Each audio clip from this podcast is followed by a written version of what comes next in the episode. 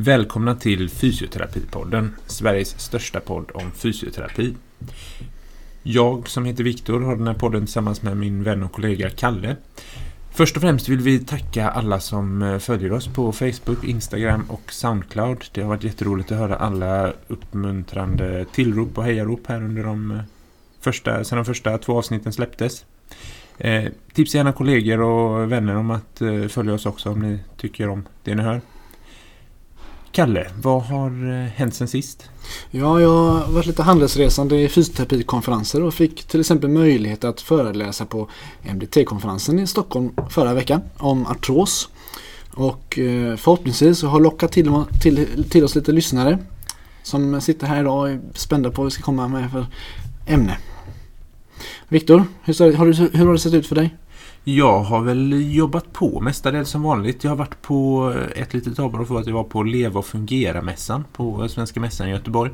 En mässa om eh, ja, diverse hjälpmedel kan man väl säga. Eh, var, ja, jag fick verkligen där känslan av att nu är jag kommunfysioterapeut efter att ha varit i ungefär ett och ett halvt år här. Att det, när jag gick där bland eh, oräkneliga gåbord, eh, toalettförhöjningar, rullatorer och rullstolar så kände jag att ja, jag är jag kommunfysioterapeut. Det och när jag beställde min första rollator med släpbroms så, så kände jag det. Man vet aldrig när det kan behövas sådana saker som släpbromsar.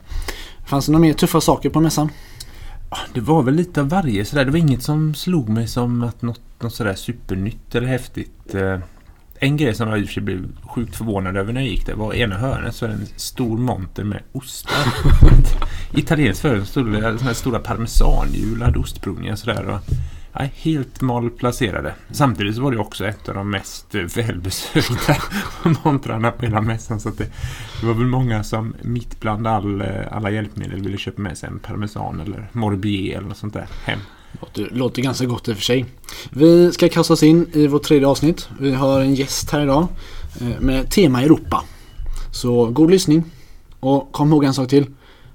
Like oss på Facebook, Instagram och Soundcloud.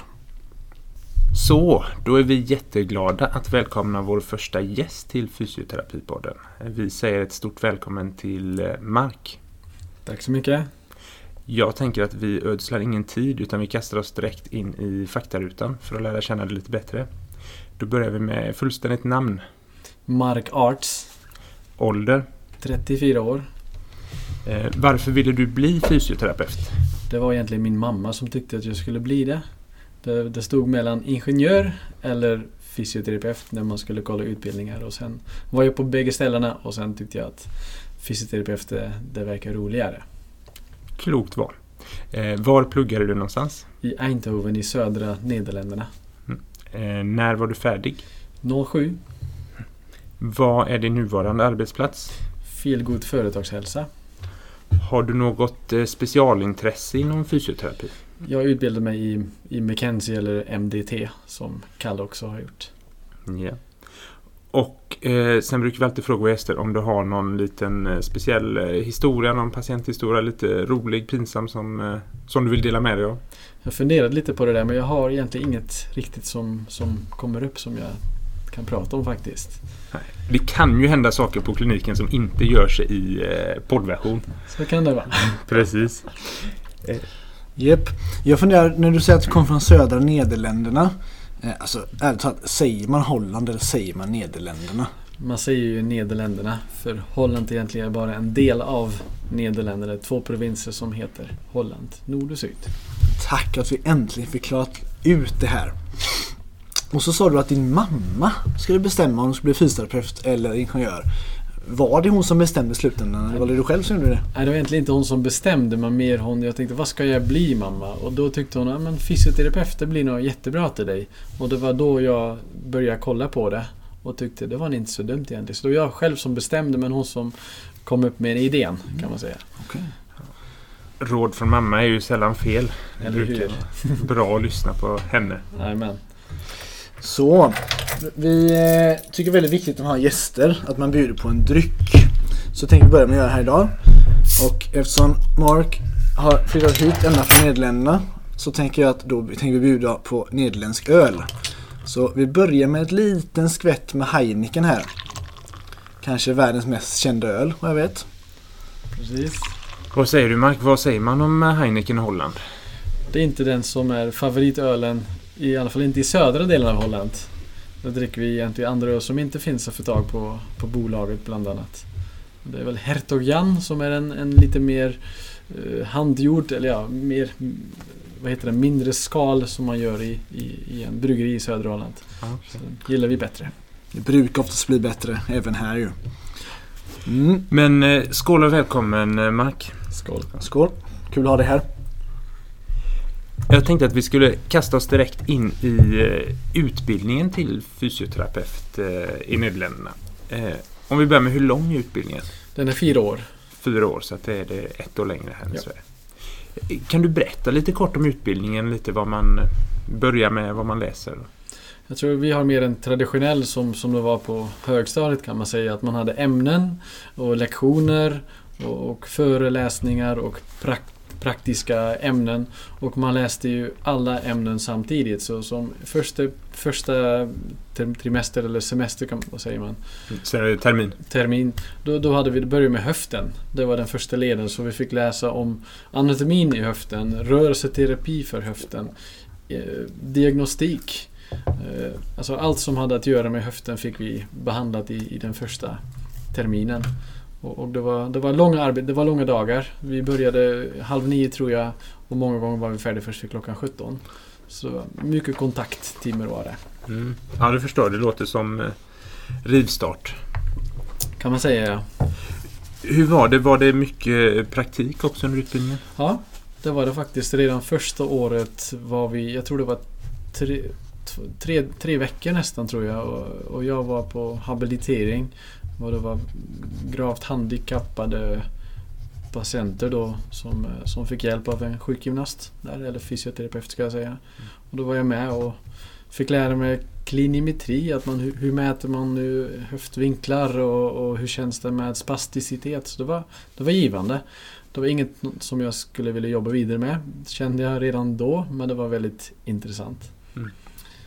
Mm. Och, och sista året då hade vi väldigt mycket praktik, det var 30 veckor, så två gånger 15. Eh, och så då fick man verkligen testa på yrket och, och känna lite hur det är att vara färdig sjukgymnast egentligen. Eller fysioterapeut igen.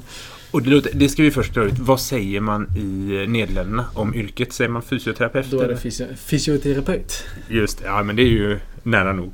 Eh, alltså då egentligen de 30 veckor sista året, det är nästan bara praktik. Eh, för det är väl 42 veckor eller något som är liksom skolår. Det stämmer. Det är praktik och själva uppsatsskrivningen man gör sista året. Okej. Och är det praktik på samma plats eller är det på olika Två, ställen? två stycken olika. För 15 veckor på ett ställe och sen 15 på ett annat ställe. Under de 15 veckorna hinner man bli ganska självständig. Det beror lite på hur man är som person. Mm. Jag var lite avvaktande faktiskt under min praktik men jag, det var en annan tjej samtidigt med mig på det stället. Och hon var väldigt framåt och, och, och tog sig an saker och hon blev ganska självständigt. Men eh, ja, för mig tog det lite längre tid innan jag kände mig trygg att göra saker själv. Mm, Just det. Hur var det med, jag tänker under både praktiken och de teoretiska ämnena med betyg? Vad var det för betygsskala man fick? Vi, vi hade, det var lite olika. Vissa ämnen blir man godkänt eller icke godkänt. Men på, på andra hade man betygsskalor från 0 till 10 egentligen. Och vilken nivå var godkänt från 0 till 10? Var någon som var... 5,5 blir en 6 och då är det godkänt. Okej. Används de här betygen till någonting annat sen?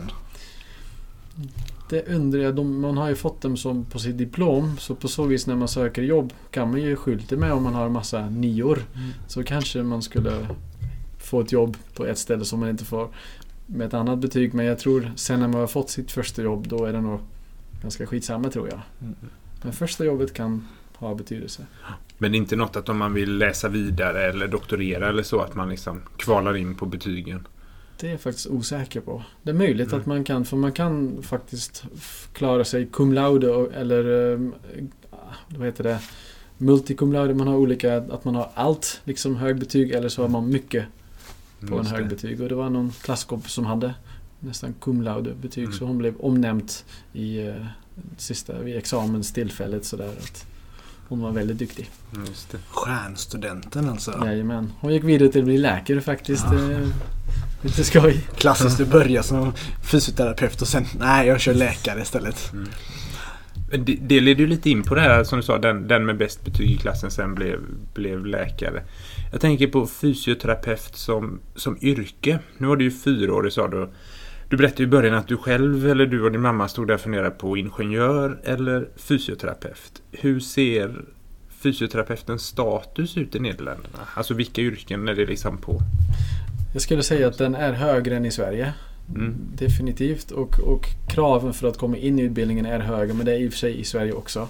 Mm. Eh, Men, men hela, hela modellen med betal, hur, hur, det är, hur det är uppbyggt är annorlunda. För man, alla patienter måste ha en försäkring och sjuk, fysioterapeuterna behöver då teckna avtal med försäkringsbolag och då får jag också betalt via, via de bolag. Så de, jag tror de känner nog lite bättre där än vad de gör här. Hur är eh, yrkets status liksom så här, om jag tänker en, en vårdhierarki där läkarna allt har varit och kommer förmodligen alltid vara på toppen. Och där kanske i Sverige fysioterapeuterna länge var ganska långt ner men kanske förhoppningsvis är lite mer på väg upp nu. Vad ska du säga om hur det är där nere? Man har inte varit så mycket under en läkare hos oss. Men, men det var ju liksom själv egna praktiker som det heter. De, många hade sin egen praktik och bestämde sin egen ja, betalning och sånt. Så det var rätt hög eh, status. Ja, fortfarande under läkare, det tror jag definitivt. Men, eh, men eh, det, var, det är också fler män i, i yrket i, håll, i Nederländerna. Nu säger jag fel själv. Men eh, och, och det har varit ganska bra status på det. Och fortfarande tror jag. Hur skulle du säga att fördelningen ser ut på ett ungefär? Jag förstår att du inte har siffran, men jag tänker män kvinnor i yrket. Jag tror 60 kvinnor, 40 män tror jag något sånt. Ja, det är ju ganska bra mycket mer, eh, mer jämnt än vad det är här Vad är det här då? Ska vi killgissa lite? 80-20? 85-15? Ja, nå, någonstans där. Ja. Eh, Är killarna som blir naprapater istället kanske? Eller? Ja, lite sådär kanske. Ja. och Kiropraktorer är säkert också. Mycket män där. Där är det nog väldigt mycket mer män, ja. Mm, det är det. Hur var det när du skulle, skulle, nu har du gjort klart en utbildning och så kommer du hit. Eh, vad, var det svårt att få legitimationen när du kom hit? Nej, det var egentligen inte så svårt. Det, var, det gällde att se till att alla, alla papper är verifierade på något sätt med stämplar som man skulle hämta och hit och dit. Och sen skulle det skickas in till Socialstyrelsen och sen fick man vänta och sen fick man det. Utan vidare egentligen, inga krav på någonting. Egentligen har man ju utbildats mer, fyra år istället för tre. Så på så vis kan man nästan tänka sig att det lite mer än vad man behöver vara. Vi är väldigt tacksamma att vi får hit välutbildade fysioterapeuter. Utan att Precis. behöva lägga en skattekrona på det. Exakt. Vad, hann du jobba någonting i Nederländerna innan du eh, flyttade hit? Väldigt, väldigt kort. Jag var på ett ställe som jag hade gjort praktik sista året. Fick jag ta över efter henne, den, den personen som var på semester några veckor. Så jag kunde ta över hennes patienter. Mm. Men eh, inte mer än så faktiskt. Har du någon liten kort till, vad, hur var det nu de två veckorna du var där?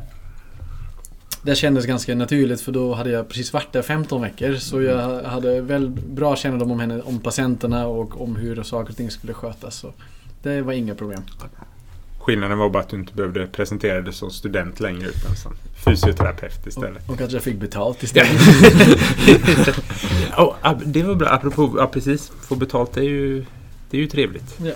Hur var det med det under studietiden, tänker jag, i Nederländerna? Hur, alltså, hur finansierades din studie? Mm, Men vi har något liknande som CSN också. Ja. Och, och på den tiden, om man då klarar sina studier inom avsedd tid, så man har inte slarvat sig eller något sånt, då fick, då fick man faktiskt behålla pengarna utan att betala tillbaka. Så det blir, ett, det blir en gåva blev det. Helt och hållet, allt det man hade fått? Ja. Och det man fick, var, hur mycket var det i månaden ungefär? Som Det var beroende på föräldrarnas inkomster. Jaha. Eh, Så det kan, ja, det var lite som det var beroende på hur det såg ut. Ja. Och hur, var man bodde, om man bodde hemma eller om man bodde på, på, på rum. För vi har väldigt sällan lägenhet. Men man, man bodde i något studentkorridor. Och då kunde man få lite extra pengar. Men det var ändå så att man klarade sig på det man... Alltså, det är ju alltid studentliv såklart, men, men det räckte till hyra och mat. Jag eh, bodde ju hemma. Så det Aha, räckte gott och väl och blev över till och med. Så att om det finns någon som lyssnar på den här podden eller om det är någon som har något barn som funderar att studera till fysioterapeut. Åk till Nederländerna. Fast det gäller ju tyvärr inte nu längre. Nu har det, det, det tagits bort. Nu är det ingen gåva längre. Kanske, det kanske blev lite för dyrt kan man säga. Kanske. Eh, så kom du hit och vi tänkte bara, nu har vi fått i oss Heineken. Eh, men vi ska fortsätta vår holländska resa och smaka på Grolsch istället. Vad kan du säga om Grolschs status i Nederländerna? Är det som Heineken eller det någon... Jag tror, jag tror den är lite bättre faktiskt. Än, än för, för Heineken är lite blaskigt som finns överallt i världen. Men och den här tror jag har lite högre status faktiskt. De hade roliga flaskor också med sån där speciell kork som man kunde poppa av om man, eh, förr i tiden i alla fall. Just det, precis. Den här bygelkork tror jag det heter. Exakt. Eh, Det var praktiskt. Eh, Kan man hjälpa till i safttillverkningen även genom att dricka öl? Jag tror det var Fritiof Nilsson Piraten som sa det en gång apropå. Det var enda gången jag hjälpte till. eh, Jag blev uppskattad av min fru i hushållsarbetet. Det var när hon behövde flaskor för att eh, ha till saften. Alltså män på 1800-talet hade det ju, jag ska inte säga bättre, men de hade det annorlunda.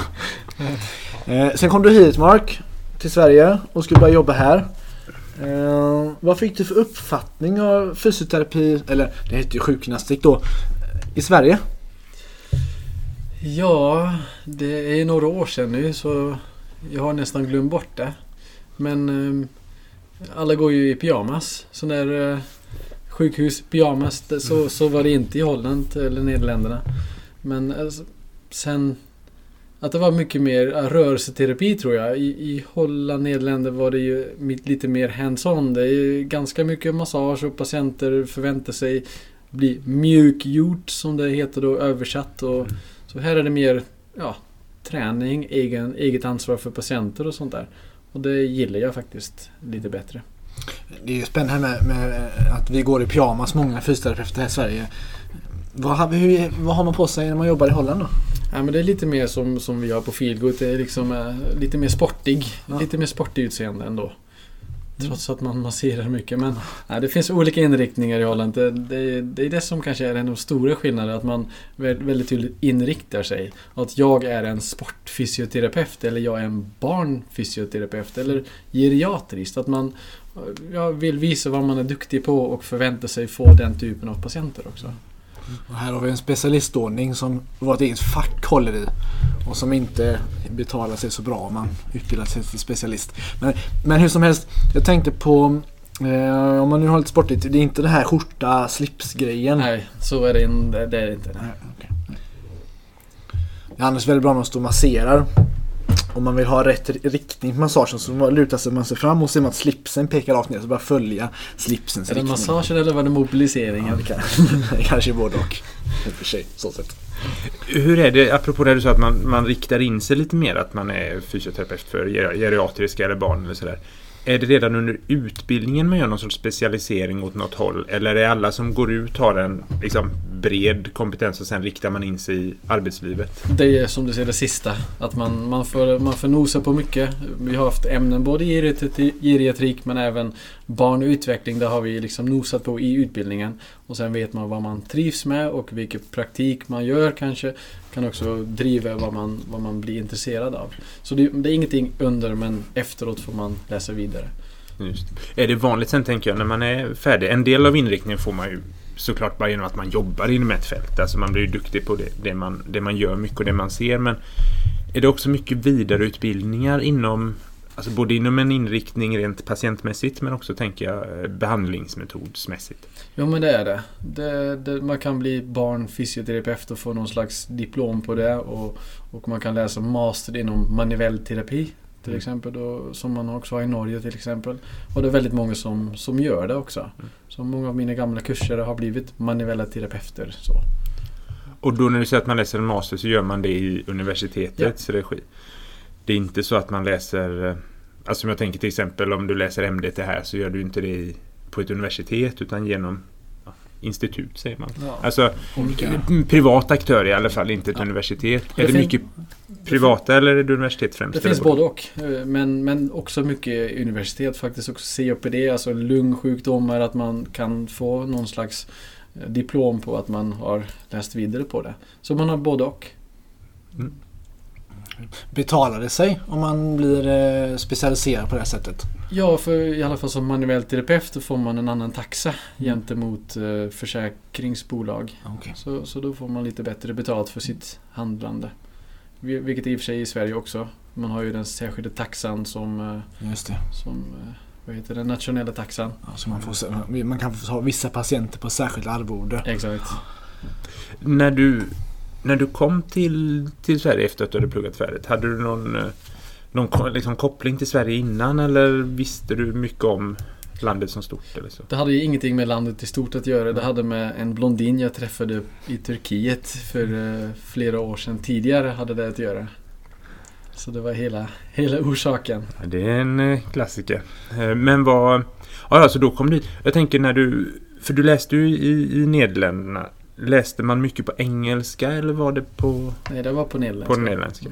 Hur var det, tänker jag, när du kom till Sverige och lära dig inte bara svenska i stort utan också den här facksvenskan, alltså som fysioterapeut?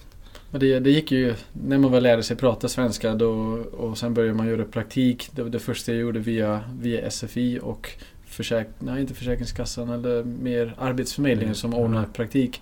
Och då, då kom jag in lite i, i, i pratet om man säger så. På svenska i sjukgymnastiken. En, vad tyckte du om att, eh, hur lång tid tog det innan du tänkte att nu kan jag liksom behandla patienter på svenska och prata med dem på svenska? Hur länge tog det innan du var kände trygg i det? Det gick faktiskt ganska snabbt för jag, jag kom augusti 07 och började väl i, i skolan då, kanske det var september, SFI då fick jag läsa. Och, och det tog mig sex veckor och då var jag redan klar med SFI. Men som nederländska och svenska är väldigt besläktade. Mm. Så det var, det var hyfsat lätt att lära sig. Och sen fick man börja med praktiken och då blev man mer och mer trygg. Eh, Och ja, men sex vid årsskiftet fick jag faktiskt mitt första jobb så jag gjorde inte ens färdigt min praktikperiod som var utsatt. Men innan det var slut fick jag redan erbjudande om tjänst på, eh, i grannbyn. Mm. Eh, Och då kände jag mig hyfsat trygg och patienten tyckte det var lite exotiskt att man hade någon som pratade något annat. Holländsk, nederländskt och, och även om man inte kunde alla ord det var nästan lite spännande att, ha- att ha en internationell, internationell fysioterapeut eh, som hjälpte en. En, eh, en placeboeffekt till. Ä- Addar så många vi bara kan för att få bästa möjliga effekt. Exakt, exakt. Men då sa du att du, du... För jag tänker på det att när du kom hit så hade du inte riktigt koll på... Ja, så mycket koll kanske på Sverige i allmänhet och än mindre på fysioterapi och världen. Du nämnde innan att det var lite mer manuella behandlingar i Nederländerna och kanske lite mer träningsprogram och Mm. det bit. Men dels det, men också var det alltså i, i relationen fysioterapeut-patient om man tänker eh, var det stora skillnader i det? Lite grann skulle jag nog säga men det, det, när man då kallar upp en patient och det är vid efternamn och det är alltid mm, Mrs bla bla bla. Ja. Som det är mer formellt skulle jag säga och, och landet i, i Holland är det lite mer formellt i, i de här sammanhang. Det är efternamn och det är mer ni och eh, lite mer på det sättet. I alla fall det var det då. Det kanske har förändrats men som sagt jag har inte bott i Holland på många år nu. Nej. Så jag har lite svårt att svara på det men, men det var en viss skillnad. Här är det mer du och jag och eh, förnamn. Så det var lite, man eh, kanske lite mer på samma plan. Men bara först om man, man pratar, man säger efternamn, för och efternamn till patienten. Eller man bara- säger herr Jansson, herr Jonsson, Ja, herr exakt. Arts. Exakt så. Det kanske skulle börja med här också. Ja, det är ett grepp att testa och ta. Jag skulle ju kunna tro att vissa patientgrupper snarare får en nocebo än placeboeffekt. Det så. Men jag tycker ändå du ska testa. Kan vi inte göra det till nästa poddinspelning så får vi höra hur, Jag brukar, hur det har gått. jag brukar presentera mig med namn och efternamn men det är rätt långt sikt att säga Goddag, jag är Filkand Lindqvist. Men, Ja. det är inte, men det är inte fysioterapeut att säga sitt efternamn. Det är mer mot patienten. Så herr, herr Lindqvist, eh, välkommen eh, idag. Ja. Och pratar, säger patienten samma sak tillbaka då eller? Det har jag... Kanske. Ja. Det har jag faktiskt inte tänkt på så mycket. Det är ganska, ganska skönt med lite mer avslappnad som vi har i Sverige säga du. Absolut, det tycker jag. Jag får hålla med faktiskt. Tills man träffar en kunglighet som patient då är det dags att säga Ers Majestät, kan Ers Majestät vänligen sträcka på armen? Kan Ers Majestät vara vänlig och ta av sig kläderna. ja, det får vi se när vi har fått eh, när vi har fått vår första kungliga gäst kanske vi ska bryta konfidentialiteten och berätta om det här i Ja, det, podden. det är inte- omöjligt. Men har du haft någon holländsk patient som du började jobba här i Sverige? Det har jag faktiskt haft ja. Och då har jag försökt kanske köra lite på holländska men det känns väldigt, väldigt konstigt. För i Sverige är det ju svenska som gäller för mig och att plötsligt prata holländska eller nederländska det blir väldigt, väldigt märkligt. Mm. Så det har varit svårt. Mm. Så du, ditt yrkesspråk numera är svenska då? Är det. Ja, jag tänkte att det var också det är ju intressant när man jämför skillnader just för att det är ofta i, relation till något annat man, man förstår mer om, om sig själv eller vad, det man upplever som är så självklart. Sådär. Eh, och jag tänker, vi har varit inne lite på utbildningen innan och nu, nu har ju du visserligen bara läst i Nederländerna och inte läst utbildning i Sverige. Men eh, du har väl säkert hört vårt första avsnitt eller vårt andra avsnitt men också pratat med mycket kollegor och så under åren här om, om utbildningen i Sverige. Är det något du tänker som är en tydlig skillnad? Jag lyssnade faktiskt på ert andra avsnitt vilket var väldigt intressant tycker jag för mig. För att höra hur ni har läst. För vilket det var annorlunda än vad vi, hur vi gjorde det. Men en sak som jag tänkte på. Vi läste faktiskt en del psykologi och hur man då umgås med, med varandra och, och hur man kan hantera en hund kanske blir kär i dig och hur man då kan avstyra det på något sätt. Och vi blev filmade i, i anamnessamtal och det här var bra, det här kanske man kan göra annorlunda. Så jag tyckte vi fick ganska bra på fötter ändå. Tankar och idéer och även litteratur som man kunde använda i, i vad gäller detta. Eh, och, och mycket annat också. Vi fick lite ergonomi och vi fick eh, ja, mycket klinimetri, att man, hur man mäter och, och vetenskaplig metodik, vilket ni också får. Men jag tycker att vi fick en ganska bra grund. Sen håller jag med lite vad ni också tyckte. Man kunde undersöka, man kände ledspel hela det köret. Men vad gör man sen? Hur behandlar man sen en rygg till exempel? Det var inte det lättaste. Inte för oss heller skulle jag säga. Och jag tänker på... Nej, och det, det var ju något som vi efterlyste lite också, just utbildningen kring det här med hur man alltså, etablerar patientkontakt och hur man hanterar den. Alla komplikationer som jag också såklart kan, kan uppstå eh, i den. Eh, hur var det att bli filmad och göra det? Det är lite ovant i början men eh, alla gjorde ju det och man fick se varandra och alla var snälla med feedback. Och, så det, det var faktiskt en trygg, en trygg atmosfär. Vi hade mindre klasser. Så vi var kanske, vi var kanske 20 pers max, max i, i en klass. Sen hade vi sju klasser på, per år så vi var säkert 150 pers som läste liksom ett år. Sådär. Så vi var väldigt många mm, trevliga människor men man hade ändå små enheter som man sen djupdök i, i, i ämnen. Och det gjorde att det var tryggt och, och kändes bra. Väldigt lärorikt det där. Jag gjorde det när jag, när jag studerade på, på jag var tvungen, här var man tvungen att komma upp på mastersnivå innan man blev filmad pa- i patientmötet. Men det var otroligt lärorikt. Ehm, Så till alla er som har kollegor ute som ni känner er trygga med. Ta chansen att filma varandra. Be gärna patienten om lov först. Eh, men ta chansen att filma och ge lite feedback. Det var väldigt lärorikt när man sitter där med böjd nacke och säger liksom varannan mening och så vidare. Det finns mycket man kan slipa bort som man inte upptäcker annars. Mm. Och jag tänkte på något annat också för att återknyta till förra avsnittet. Vi, jag och Kalle klagade ju väldigt mycket där på att vi tyckte att eh, alltså, bedömningen av de praktiska momenten under utbildningen att det var väldigt, väldigt låga krav helt enkelt. Eh, hur var det för er när ni pluggade de praktiska momenten? Det var det definitivt inte hos oss. För jag har eh, inte klarat några stycken och sen får, får man göra om det igen. Så jag tyckte det var rätt bra eh, krav på. Det var mer den, den teoretiska delen som var lite enklare om man väl förstod sig på metodiken. För vi hade en teoridel med ja, nej eller frågetecken. Mm. Och I och för sig måste man ju kunna mycket men det gäller att samla tillräckligt med poäng för att klara sig. Och hade man tillräckligt med poäng då hade man råd med frågetecken. Mm. Sa man fel då fick man minuspoäng. För, så det var, det var lite taktik i det där. Ja. Men, men jag var rätt duktig på det så jag har haft bra betyg just på de där teoretiska delen. Men det praktiska, det, det var man, jag var väldigt nervös och, och lärare som var på en rätt, rätt hårt. Så att folk inte klarade sig var inte ovanligt. Eh, och då får man göra om det men vissa fick inte igenom det. En till sak som ni sa, om jag ändå tänker på det. Ni sa att det var mycket Det var egentligen handledaren som, som i mångt och mycket tyckte eller kunde stoppa en från att gå vidare och det är ett, ett stort krav att ställa. Men hos oss var det någon slags lämplighet som man skulle klara efter första året. Att det blev någon slags bedömning av alla lärare man hade haft och är du lämplig? Ser vi dig som framtida kollega? Och det, det var vissa som inte blev det. Inte någon som jag känner då personligen men jag- tyckte det var bra att, att det verkligen ställdes krav och ser vi dig som framtid. Nej, vi tror inte att du har, är ämnet och vi ger dig ett negativt fortsättningsbesked. Eh, sen kunde man kanske fortsätta ändå men det var, ja. Ja, men det är ju ett ganska schysst sätt tycker jag, för då blir det ju inte... Alltså visst, hade det varit så att ger man det nej och man har ingen chans att fortsätta, då kan man ju tycka att det kan bli lite godtyckligt att lärarna samtalar och vad tycker de lite, inte så här svart på vitt vid en examination och så.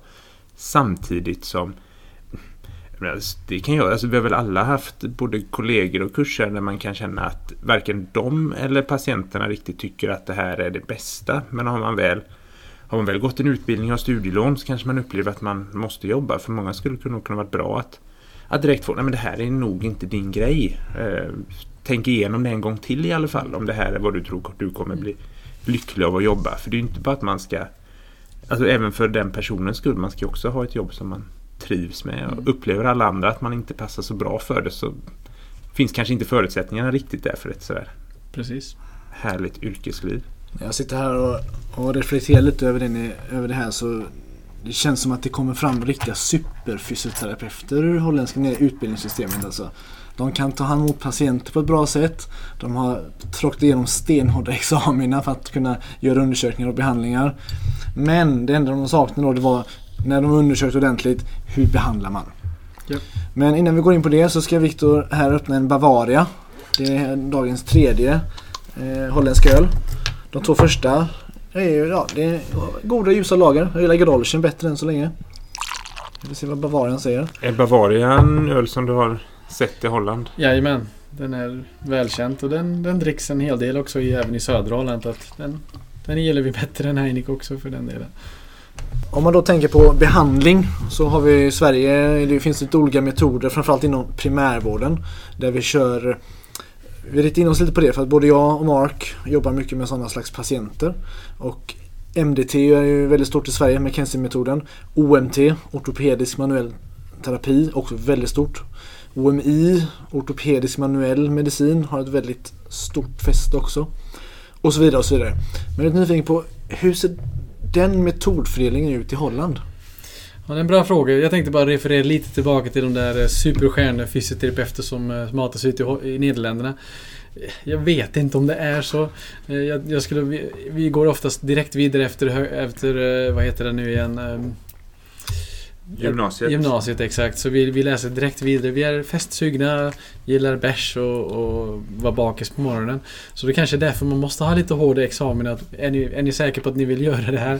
Då gör man det. Men visst, vi, jag tycker vi hade en bra grundutbildning. Eh, Men behandlingsmässigt då.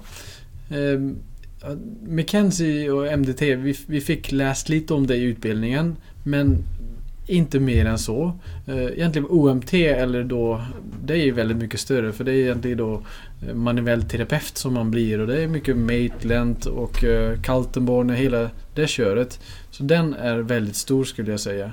Och alla de som läser master inom den metoden De får mer betalt som vi redan nämnt och, och, och blir högt ansedda av, eh, av folket. Jag tänker en, en metod som du inte nämnde där Kalle, det är ju KMT eller kroppsmedvetande Basal- träning. basal Basal kroppskännedom, BK. Mm. Inom liksom det spektrat som vi ju läste ganska i alla fall i Göteborg läste ganska mycket om. Tio, tio veckor tror jag vi hade. Ja, drygt. Är det något, alltså som inte bara är inom psykiatrin här utan också inom primärvården en hel del? Det är faktiskt mycket mindre tror jag men man kan ju bli mer specialiserad på det och, och det finns ju sådana andra att man är en terapeut som heter någon, någon postural terapeut eller någon mensendik är någon metodik som Just finns det, till ja. exempel. Så, och det finns ju en del men det är något som man väljer sen. Kanske inom stress. Men som sagt, vi är, vi, folk blir specialiserade om man nu har en specialistordning eller ej. Folk vill handskas med ett visst typ av patienter så man titulerar sig som en viss slags fysioterapeut. Och man vill ha den typen av patienter som man ja, trivs med eller vill ha. Ehm, Så, så ja, den metoden, jag vet faktiskt inte riktigt akupunktur är något som är ganska stort i Sverige. Det står ofta på mottagningens hemsida att vi kan vi vid akupunktur. Det står med flera riktlinjer för smärttillstånd och så vidare. Är det någonting som man arbetar med i Holland? Tidigare har vi inte fått föra in någonting i patientens kropp. Det står i, vårat, eh, i våra regler på något sätt. Nu kan man ta som man vill. Men, eh, men faktiskt dry needling är något som, eh, som har kommit upp nu på sistone som är lite som en hot, hot item hos många fysioterapeuter som börjar med det. Och- För om, för om det är någon som inte hört om needling förut så är det ju som akupunktur. Fast man sticker nålen ganska mycket längre in. Eller ja, man stimulerar visst punkter och lite tuffare tror jag och, på något sätt. Så inte att man ligger och vrider och ligger kvar där 15 minuter. Här är det mer pang, pang, pang på på något sätt. Det är vad jag har förstått. Hur kroppen ska eh, kunna skilja på en effekt på akupunktur och dry needling kan vi lämna till ett annat avsnitt kanske. Eh, men det är intressant att höra. För det, finns, det har jag hört någonstans här i Sverige att det finns folk som gör det men det är inte så vanligt än så länge. Medan akupunktur, ak- akupunktur är väldigt, väldigt utbrett. Men när jag gick akupunkturutbildningen, vi, vi fick ju en viss att man kan behandla en punkt och få någon twitch-respons. Så vi, jag tyckte det, det berördes lite i, i den utbildning som jag gick vad gäller akupunktur. Just det. Ändå. Men om vi är inne lite på det här med primärvårdsbehandlingen då som vi är genom de här behandlingsmetoderna. Är det någon, någon tydlig skillnad där jag tänker hur, hur ofta man träffar en patient, hur, hur långa behandlingssessioner, eller inte sessioner utan hur långa behandlingsperioder snarare som man, man har? Jo men det känns så att det är skillnad för, för i Sverige där primärvården har varit liksom lite underdimensionerad så det var mer att det finns en, en stor väntelista som man ska beta av. Och i, i Nederländerna är utbudet mycket större. Tror man att man kan tjäna pengar som fysioterapeut då, då öppnar man sin egen praktik på något sätt. Så utbudet är större och därmed finns det inga väntelister och därmed måste man behålla patienter som man väl fått in på något sätt. Så min känsla är att det blir lite fler behandlingar per vecka. Det, det är inte ovanligt med två, tre gånger i veckan om det nu är träning eller behandling, vilket vi var inne på att det är en hel del mjukgörande behandling som jag tycker är lite tveksam till ibland. Ehm, så fler besök, ja. Ehm, 12 behandlingar ryms inom en försäkrings försäkringspatient till exempel. Och om jag tänker tillbaka till mig själv här, när jag jobbade i primärvården, det blev ju nästan aldrig 12 behandlingar. Det blev ju mycket färre. Och det är klart om man sitter då på en egen praktik och man har ett avtal där försäk- försäkringsbolaget har godkänt 12 behandlingar. Det känns ju osannolikt att man släpper patienten efter 10. Om man nu tänker okej ska jag få eh, 34 000 lön i månaden ska jag få 35 000? Det är oftast nog ett, tyvärr ett ganska lätt val att göra. Precis. Okej. Jag undrar Mark, är det något mer så här om du sammanfattar lite vad vi har pratat om? Sånt mer som du tänker det här vill jag lyfta fram som eh, holländsk fysioterapi eller skillnad Sverige, och Holland och så vidare. Jag tycker en del jag gillar då att man i Nederländerna väljer att specialisera sig. Att när jag gillar att jobba med barn så, så man läser det och man blir bra på det. I primärvården är det väldigt svårt att vara väldigt duktig för man ska ju kunna allting. Och det finns ingen andra linje, sjukgymnastik eller fysioterapi som man kan hänvisa till riktigt heller. Så, så jag gillar nog ja, det, det nederländska sättet att man väljer att specialisera sig och att man som patient väljer att söka sig till den typen som du tror du trivs bäst med möjligtvis. Och att man också ska vara så, så professionell att om, om en patient söker med något besvär som egentligen man inte känner sig lämpad att ta hand om.